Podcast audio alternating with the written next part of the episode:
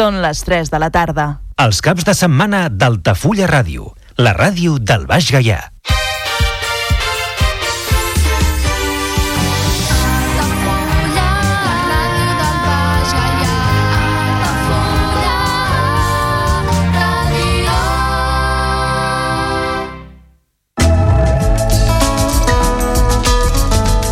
L'agenda Altafulla Ràdio. Concert del cicle Altafujàs amb Pérez Arnedo i Los Fumero dissabte 3 de febrer a dos quarts de nou del vespre al Casal La Violeta. Tretzena marxa Castells del Baix Gaià. Diumenge 4 de febrer a partir de les 9 del matí des del Parc del Comunidor. Sessió de conte-contes amb les aventures d'en Pepito per Carnaval. Dimecres 7 de febrer a les 5 de la tarda a la biblioteca. Presentació del llibre Fotomatón, de David Monteagudo. Dijous 8 de febrer a les 6 de la tarda a la biblioteca. Arribada de Sa Majestat Carnestoltes. Dijous 8 de febrer a un quart de nou del vespre des del carrer de l'Hostal. Bany de bosc a Tamarit per prendre consciència dels beneficis de la natura. Dissabte 10 de febrer a les 10 del matí des de l'Hort de la Sínia. Reserves al 655 486 115 i a joan arroba hortdelacínia.com. Primera rua de Carnaval, dissabte 10 de febrer a les 9 del vespre des de davant del castell i han acabat discoteca mòbil amb Mas en Mas Show al poliesportiu. Art al carrer, Mercat d'Art d'Altafulla. Diumenge 11 de febrer de 10 del matí a 3 de la tarda a l'Era del Senyor. Visita la vida de les elites vora Tàrraco. Diumenge 11 de febrer a les 11 del matí a la Vila Romana dels Munts. Venda d'entrades a nat.cat. Segona rua de Carnaval a Baix Amar. Diumenge 11 de febrer a les 11 del matí des de davant de l'Skate Park i en acabar rumba amb Pirates Rumversions a la plaça dels Vents.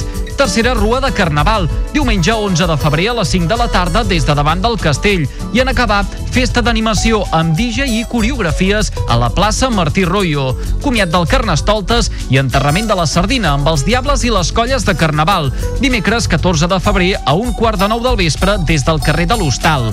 Presentació de l'Oliverot 29, retalls d'història d'Altafulla, els indians d'Altafulla 1765-1833, de Salvador Rovira. Divendres 16 de febrer a les 7 de la tarda a les antigues escoles Teresa Manero. Organitza Centre d'Estudis. Projecció de la pel·lícula Broker.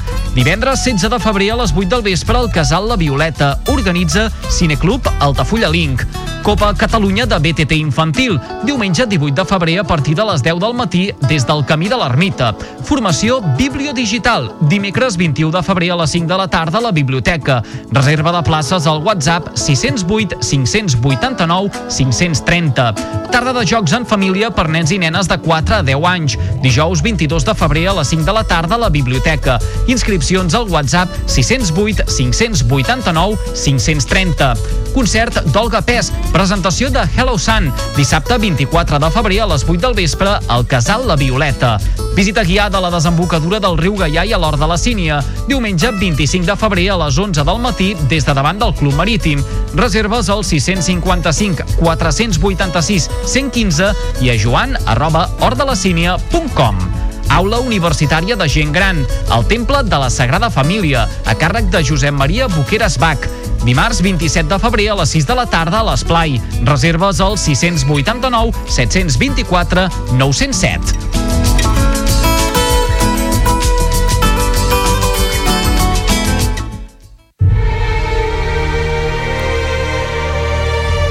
Parlem d'aquell cinema? Cinema clàssic a Altafulla Ràdio, amb Andrés de Andrés. On la música de cinema és el fil conductor. Cada cap de setmana a Altafulla Ràdio parlem d'aquell cinema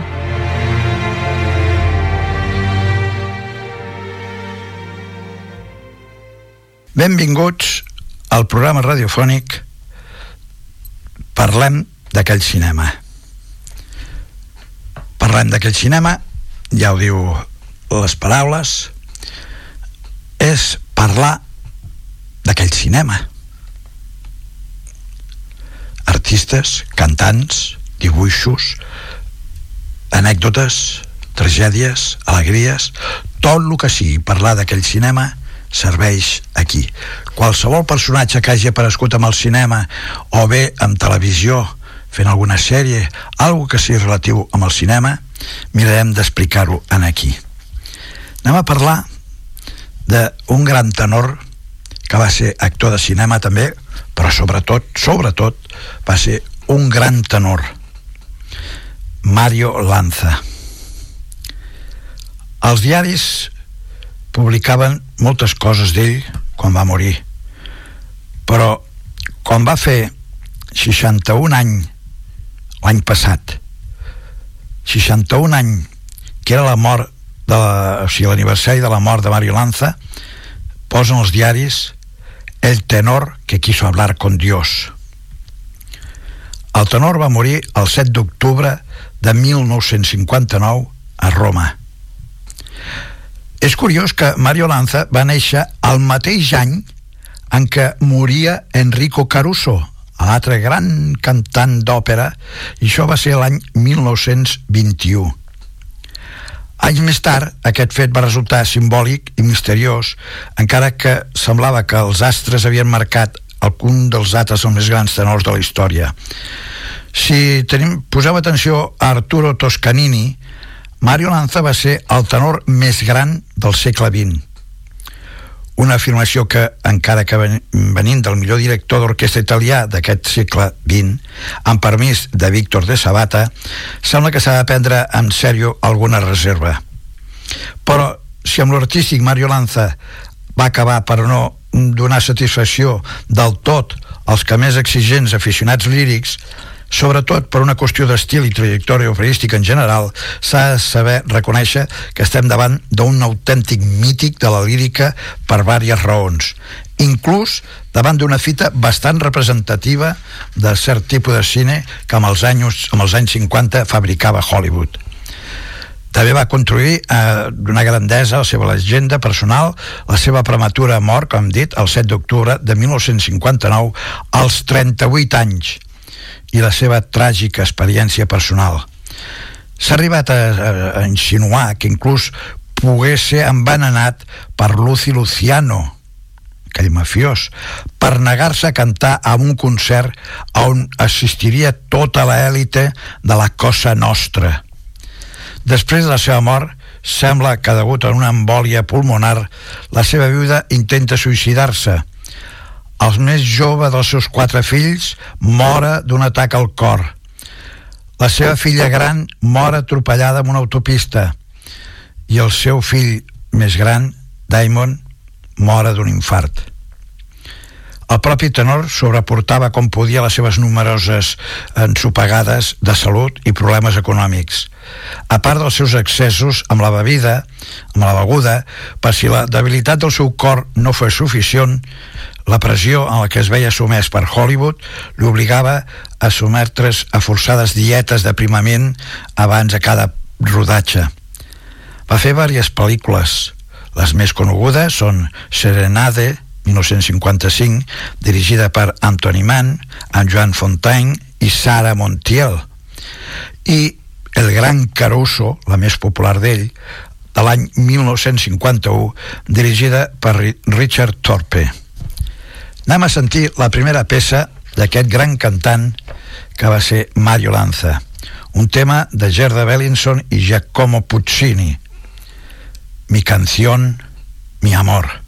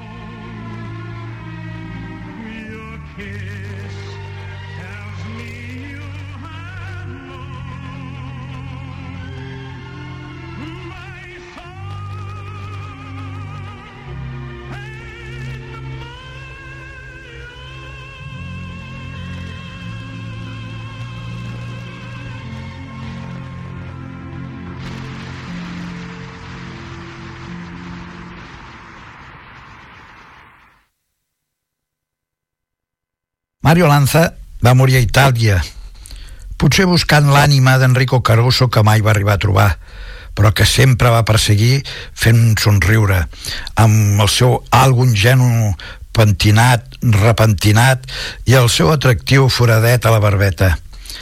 Alfredo Arnold Cocozza, que era com en realitat es deia quan va néixer a Filadèlfia, masculinitzà i es va apropiar del nom de la seva mare, immigrant italiana, Pot ser que per compensar la seva poca afortunada carrera com soprano de la seva mare, és clar, però també perquè en Itàlia va aconseguir trobar el que més desitjava, les seves cançons, la seva òpera, el seu impronta. Però el cantant tampoc va voler renunciar a la seva ascendència americana i va deixar part del seu coratge amb les pel·lícules que com més tard van empènyer la il·lusió d'interpretar com van ser José Carreras o Roberto Alagna, entre altres. Sobretot va ser la pel·lícula Gran Caruso, una altra vegada Caruso, el que li va donar vida més enllà de les pantalles fins inclús arribar a identificar-se amb ell amb els ulls de molts aficionats embaucats per les pel·lícules. Que jo sàpiga, a part de dues representacions en Nova York de Madame Butterfly en 1948, mai arribar, va arribar a cantar una altra òpera sencera sobre l'escenari, ni siquiera en gravació. Es parla de la seva mala memòria i de la seva inseguretat. Va deixar moltes gravacions operístiques i d'altres tipus. No es pot dir que respectés la partitura escrupulosament ni que les seves interpretacions es trobin entre les de referència perquè el seu estil, sempre generós però també bastant ingenu i potser excessivament arrebatat, s'empenyava sempre en marcar les coses amb un robato personal, senya d'identitat poc apropiada que no feia justícia a la seva veu. Aquí estava ell, somrient, amb l'estudiada i algo ingènua postura corporal, amb els dents perfectes i brillants i les seves ganes d'agradar i la seva veu. I aquí on Mario Lanza mereix un lloc entre els millors per la seva veu. Poques vegades ha existit una veu de tenor de la seva brillantès, tersura i noblesa tímbrica – hi ha també qui creu que canta molt bé algunes cançons italianes, inclús espanyoles, i a mi em sembla que canta bé a l'inglès, sobretot una de Hey, well, good, perquè sembla que parli amb Déu, però Déu no li respon. Un altre tema de Mario Lanza. La noche más hermosa del año. Això és una peça que va ser escrita per Irving Arson i Paul Francis Webster.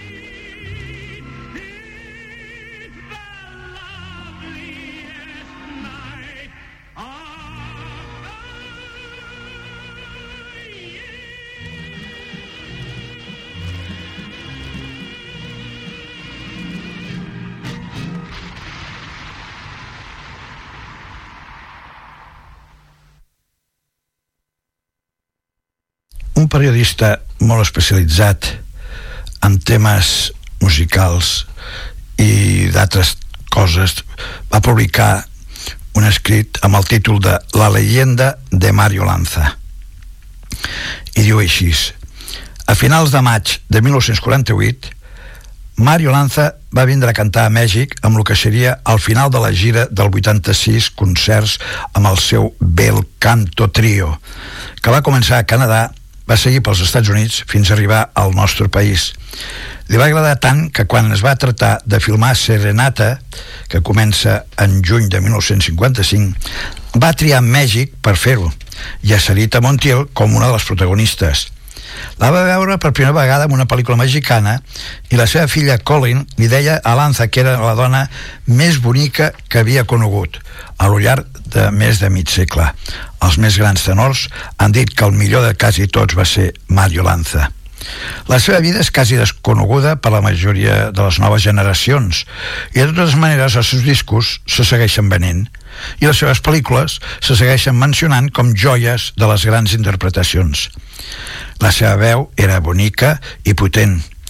Feia uns mesos el cantant havia hagués, hagués complert 92 anys de vida perquè va néixer a Filadèlfia el 31 de gener de 1921 però desgraciadament no va ser així. Mario Lanza va morir molt jove per la gran fama que va deixar. Tenia 38 anys d'edat i va ser el 7 d'octubre de 1959 sobre les causes de la seva mort hi han dues versions. L'oficial que diu que un coàgul de plena eh, a, la, a la cama se li va anar al cor i li va causar un infart fulminant i un altre assenyala que el coàgul que li va anar al pulmó amb el que li va acusar, eh, o sigui, ocasionar també la mort.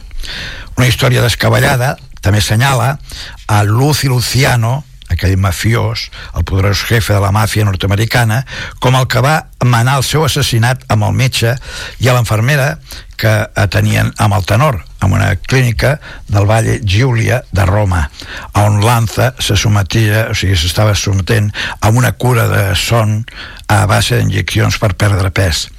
Això ho va fer-ho com venjança perquè Mario Lanza s'havia negat a anar a un concert benèfic a Nàpoles, segons el seu entrenador de gimnàsia, amb el documental The American Caruso, que va presentar Plácido Domingo l'any 1982.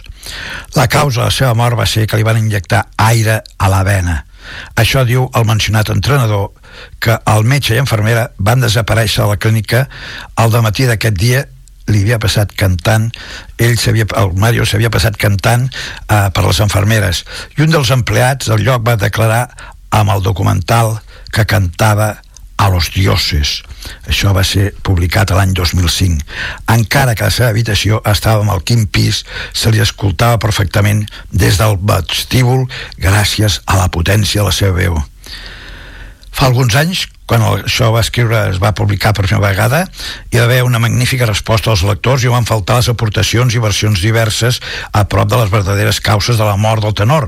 Però els problemes de salut que efectivament mantenien a Mario Lanza, en fi, eh, eh, queixat en tot, a Lanza indiquen com el més probable de l'infart cardíac. Els últims actos, dates que es disposen mm, és que li permeten ampliar el tema Bueno, anem a sentir una altra peça de Mario Lanza. Aquesta sí que és una de les bones, bones, bones de Ruggiero León Cavallo. Vesta la juba.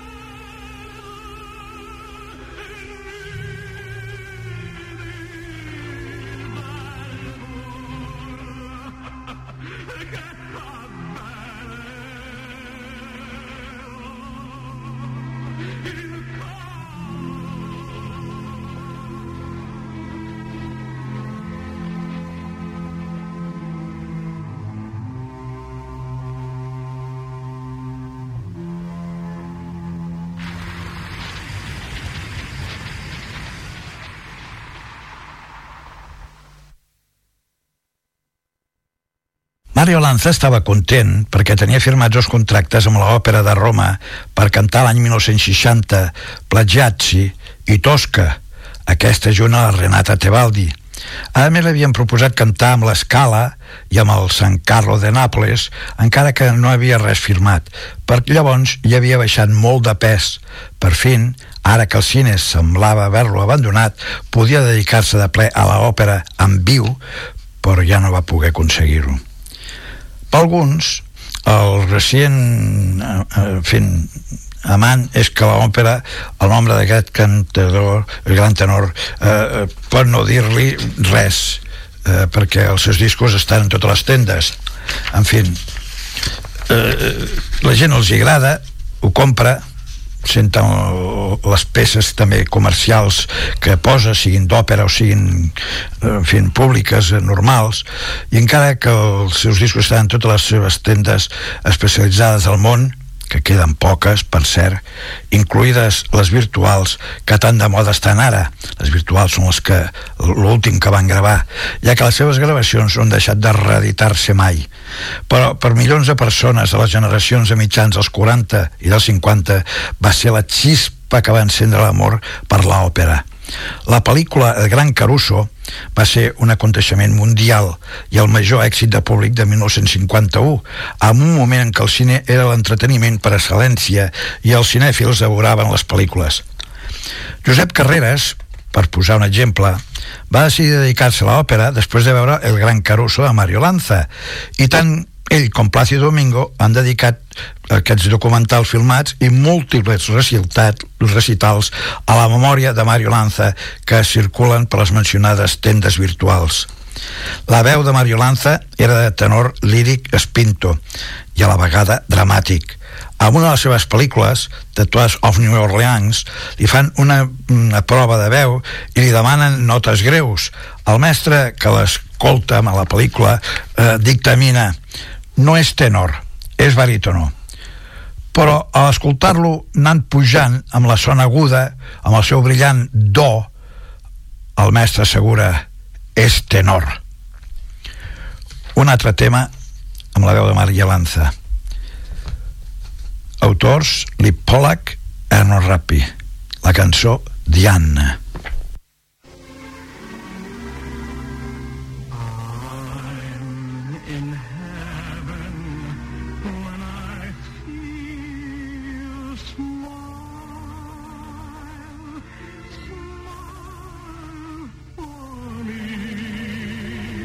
Mm-hmm.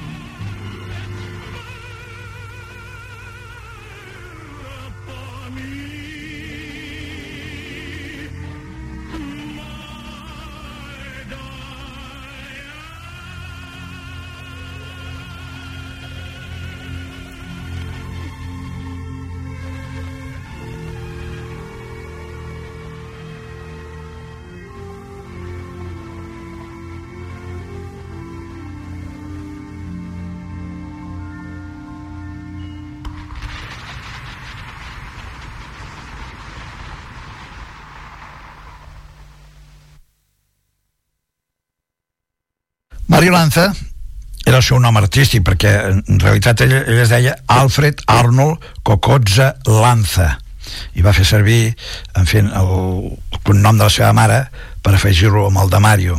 Va aprendre a cantar escoltant disc d'Enrico Caruso. Els seus pares, els seus pares que eren italians, en quan amb Espanya hi ha qui afirma que la seva mare, Maria Lanza, era natural de Santander, ells adoraven a Caruso va rebre classes de cant de Sergei Koussevitzky, qui va quedar impressionat per la seva veu i se'l va portar a Tanglewood com becari, provocant els celos de Leonard Bernstein, i ell llavors va agafar el nom i cognom de la seva mare com propis i va néixer el nom artístic Mario Lanza. En Tanglewood va interpretar la Bohèmia, acompanyat per cantants professionals, i posteriorment el rol de Fenton en la versió en anglès de les alegres comadres de Windsor, música de Carl Otto Nicolai, amb crítiques molt favorables amb els diaris. El seu debut el va fer precisament amb aquesta òpera, amb el Festival de Música de Versailles. Enrolat amb els serveis especials de les forces aèries dels Estats Units, va intervindre en dos musicals, Bajo el reflector, de Frank Loeser, a l'estiu de 1943, i Victoria Alada, el 20 de novembre d'aquest 1943. Durant 212 representacions, com part del coro integrat per 50 cantants. Aquesta última va passar al cine l'any 1944, dirigida per George Cukors, que va ser la seva primera pel·lícula anem a sentir un altre tema de Mario Lanza. Autors Gabriele D'Annunzio i Paolo Tosti. A Buccella. És el títol de la cançó que sentirem de Mario Lanza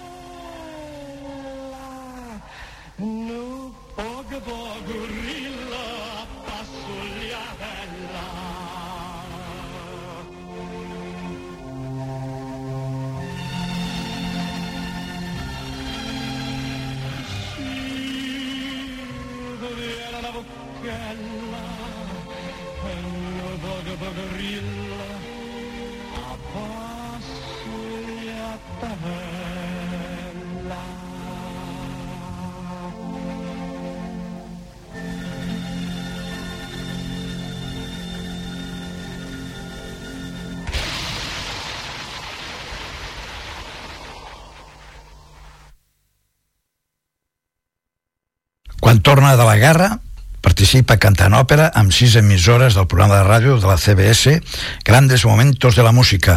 Això va ser l'octubre de 1945. Es va dedicar a donar concerts acompanyat al piano i en juliol de 1947 va formar el Bel Canto Trio amb George London i la soprano francesa Yen Eva de Die Singers del Liceu i això va ser el gener de 1955 i va oferir 86 concerts entre el 8 de juliol de 1947 i el 27 de maig de 1948 sota els auspicis del director Constantino Kallinikos que va acompanyar a Mario Lanza amb innumerables gravacions per la casa de discos RCA, companyia que el va tindre en exclusiva durant tota la seva vida. Amb aquests concerts, Lanza era el més aplaudit dels tres cantants i London estava al·lucinat amb la seva veu. Posteriorment, va arribar a dir que si vestia els tratges dissenyats pel príncep, però això era una verdad, no era veritat, perquè precisament a 1952, any de la reproducció, Lanza oferia una silueta més estilitzada del gran Caruso. El que realment va passar va ser que Curtis Bernard, el director propos, eh, proposat, va assistir a les gravacions dels playbacks i no va estar d'acord amb l'èmfasis que Lanza eh, interpretava en una cançó i aquest va demanar un nou director i la MGM va optar per despedir el cantant. El curiós del cas és que quan va començar a rodar el Príncipe Estudiante, a 1954, la MGM ja no comptava amb Bernard i va proposar a Richard Torpe, en qui Lanza va tindre una magnífica relació durant la filmació del Gran Coruso. Anem a sentir un altre tema, aquest també molt conegut, els autors Dorothy Donnelly i Sigmund Romberg. El tema Serenata.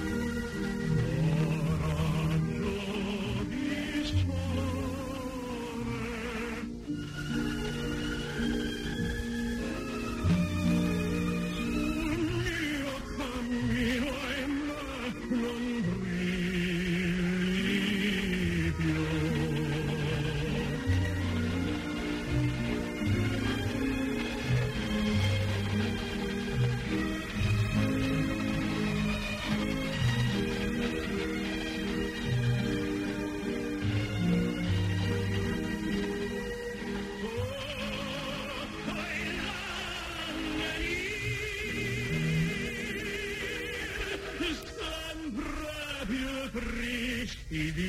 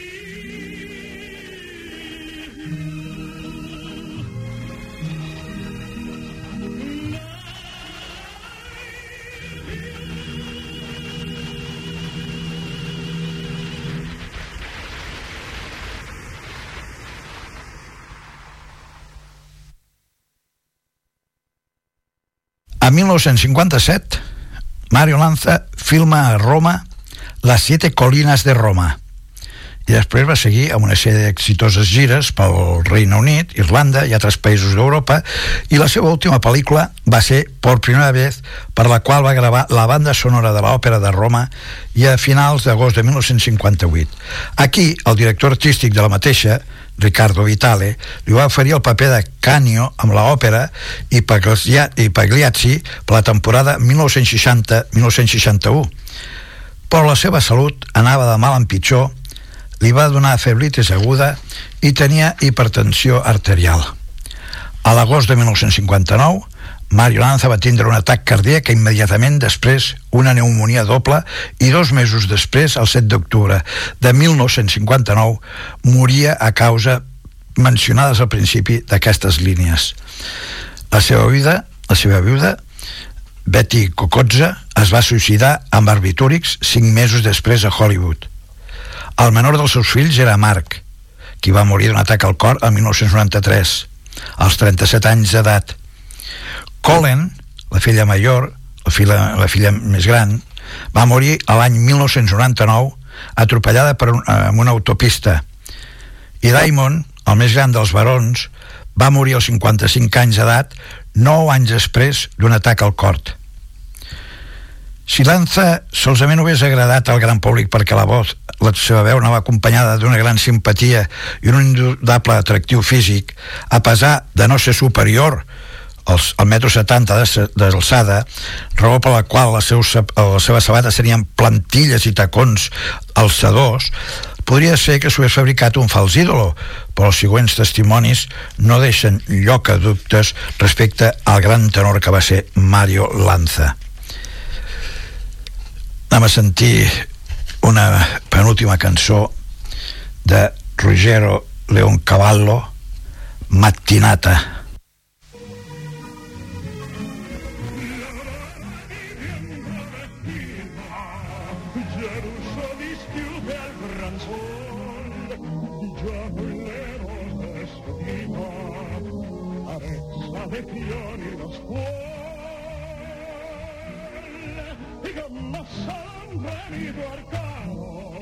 Ogni bravo giocor che tu non diresti ed in vano mi sto qui dolente a pandor metti anche tu la reste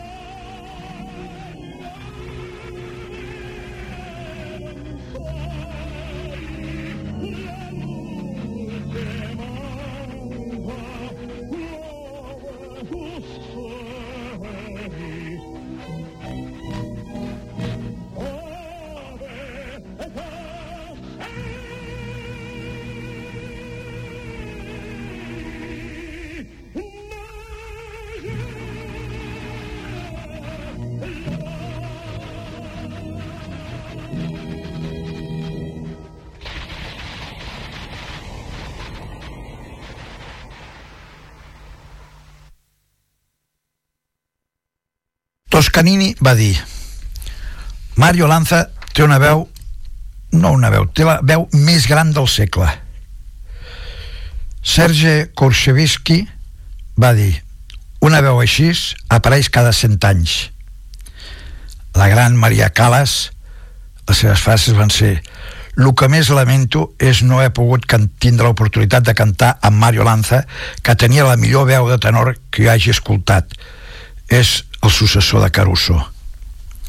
El nostre Josep Carreras va mencionar si sóc cantant d'òpera és gràcies a Mario Lanza.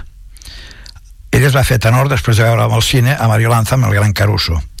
I segueix la seva magnífica veu va enriquir les nostres vides i ens va introduir en un ampli espectre de música clàssica i popular. Giuseppe Di Stefano deia no crec que es donés compte de lo bo que arribava a ser. Luciano Pavarotti també va fer el seu comentari. Tenia una veu fantàstica, no sols meravellosa, sinó fantàstica. Plácido Domingo també va afegir el seu comentari. Tenia una veu d'enorme impacte dramàtic. La gran Renata Tebaldi. Lanza tiene la voz de tenor natural más bella que he escuchado. Lawrence Tibet. Dintre de 50 anys, la gent reconeixerà Lanza com el gran artista que és. Això va dir-ho a l'any 1950. Franco Corelli. La manera en què Mario Lanza cantava era tan convincent com plena d'acord. Richard Boninge i Jan Sutherland van comentar a l'uníson això. Els dos estaven sorpresos amb el tamany de la seva veu i també impressionats per la musicalitat innata de Lanza. No cap dubte que podria haver tingut una sorprenent carrera a l'òpera. Tenim Lícia Albanese, que comentava ell tenia tot el que un necessita, la veu, el temperament i una dicció perfecta uns altres personatges que van reconèixer la qualitat de la seva veu van ser Frank Sinatra, que va anar precisament al seu enterro, Elvis Presley, Tito Chipa, Richard Tucker, Dorothy Kirstern, Harry Trauen i Roberto Alagna. Però el comentari més sorprenent és el de Enrico Caruso, fill, nascut de la llarga relació del seu pare amb la soprano Ada Glienchecki i que va ser eliminada del gran Caruso per l'expressa prohibició de la dona Dorothy Benjamin no volia que sortís el seu marit amb aquesta pel·lícula bueno, el, el que feia de, de, de marit a la seva pel·lícula amb l'amant i això ho explica amb el seu llibre Enrico Caruso mi padre i mi, de mi família. El fill de Caruso afirma que la veu de Mario Lanza era era sin tacha fluía natural y con una fuerza que pocos tenores pueden conseguir. Y además era extraordinaria tanto en los fragmentos de ópera como cantando música popular, superando en esto los extraordinarios talentos de mi padre. Suspira i aquí acaba. Mario Lanza va filmar a Mèxic, en Sant Miguel de Allende i eh, la, la Mm, hacienda propera a la població de pertanyia al matador de toros Pepe Ortiz, junt a Sarita Montiel, la pel·lícula Serenata, a 1955. Hi ha una escena en la que Juanita, el personatge de Sara, està resant en la iglesia, la San Felipe Neri, i Mario canta El Ave Maria. Finalment es casen. Els seus companys de repartiment van ser Joan Fontaine i Vincent Price i el director Anthony Mann, qui es convertiria en marit de l'actriu espanyola Sara Montiel. Amb el documental Singer in the Woods 2005, Sarita afirmava que Lanza temia no agradar a les dones pel seu excés de, de, de pes, pel que estava grossot, i a més tenia tristesa interior. El tenor va arribar a pesar 120 quilos. Des de luego, lògicament, això era obsessiu eh, per la seva, estada, la seva estada que, que era baixet i va fer l'impossible per perdre'ls. Inclús la mencionada cura de son amb la clínica Valle Giulia de Roma on va trobar la mort, per cert, el 7 d'octubre de 1959 pel matí es trobaven també que va cridar la seva dona i li va dir que per la tarda aniria a casa però no va poder fer-ho perquè va morir a les poques hores. Acabem avui el programa amb aquesta peça de Salvatore Giacomo i Paolo Tosti Marecciare i així és com Andrés Andrés acaba el programa d'avui dedicat a Mario Lanza amb aquest espai de parlem d'aquell cinema i Mario Lanza va ser aquell cinema i també aquella veu. Moltes gràcies per seguir-me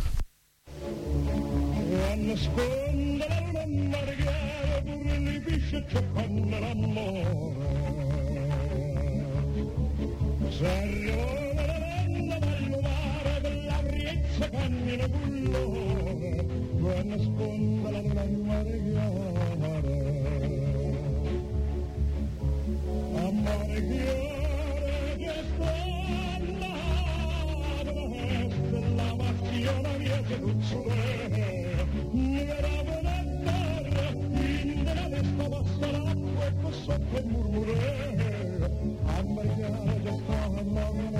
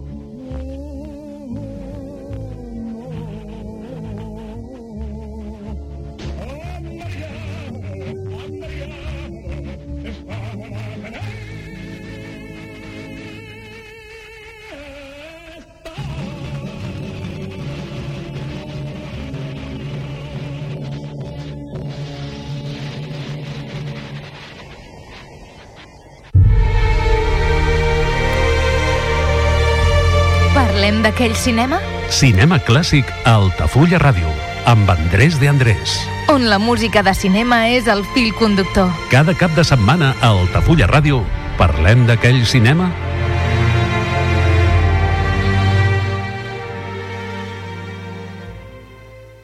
Ja coneixes les propostes que t'ofereix el Club Marítim Altafulla? Vine i descobreix totes les nostres activitats. Sortides en caiac o pa del surf, cursos de vela per a totes les edats. No t'ho perdis. Club Marítim Altafulla. Obert tot l'any i per a tothom. Comunions 2024. Dates ja disponibles amb sales privades, jardí, pàrquing privat i la millor gastronomia. Més informació i reserves al 977 65 11 55 i a comercial arroba altafullamarotel.com o al web altafullamarotel.com. Les teves celebracions familiars a l'Altafulla Mar Hotel. Carrer Major, el programa de les emissores del Camp de Tarragona. Cada dia de 4 a 6 de la tarda, el que passa al Camp de Tarragona t'ho expliquem amb la major redacció d'un programa de territori quilòmetre zero. Periodisme de proximitat, continguts de qualitat, amb Anna Plaza i Toni Mateos. Carrer Major. En cas d'accident químic, practica l'efecte bombolla. Quan hi hagi un accident que pugui afectar la població, sonaran les sirenes i rebràs un missatge al mòbil. Per la teva seguretat, caldrà que et confinis immediatament. A casa, a l'edifici més proper o a l'escola. Tanca les portes i les finestres. Abaixa les persianes i apaga els sistemes de climatització. L'efecte bombolla et protegirà. Generalitat de Catalunya. Sempre endavant. Jo no sóc masclista, però és clar, amb aquestes fotos que penja, que després no es queixi. Si justifiques el masclisme en perós, ets còmplice. Qui no respecta la llibertat de l'altre es converteix en agressor. Ni agressor ni còmplice. Aturem les violències masclistes. Pacto de Estado contra la violència de género. Generalitat de Catalunya. 7 milions i mig de futurs. Al meu país la pluja no sap ploure. El canvi climàtic asseca els rius, posa en risc l'abastament d'aigua i la producció d'aliments. Treballem per fer front a la sequera i garantir l'aigua, però cal l'esforç de tothom. Cada gota compte. La pluja no la controles, l'aixeta sí. Generalitat de Catalunya, sempre endavant. Aquest anunci acabarà en 20 segons, però la fam de milions de persones no acabarà mai si no ens ajudes. Contagia't de solidaritat per acabar amb la més gran pandèmia que pateix el planeta, la fam. Perquè hi ha contagis necessaris que no transmeten cap malaltia i salven vides. Ajuda'ns, entra a mansunides.org i col·labora. El primer pas a la Lluna va canviar la humanitat. Les d'un fill et canvien el món. Caminar per la muralla xinesa és un viatge en el temps. Passejar pels teus carrers és part de la teva història. Fer el cim a l'Everest és una gesta. Quan l'enxaneta fa el cim, aixeca passions. Hi ha històries que poden ser petites per al món, però són les més importants perquè són les teves. A la teva ràdio local, sentim com tu. Vols anunciar-te a la ràdio? A la plaça del Pou? Al pavelló poliesportiu? Cap problema. Truca al 635 83 30 94 i parla amb el nostre comercial. Així de fàcil. I quins preus!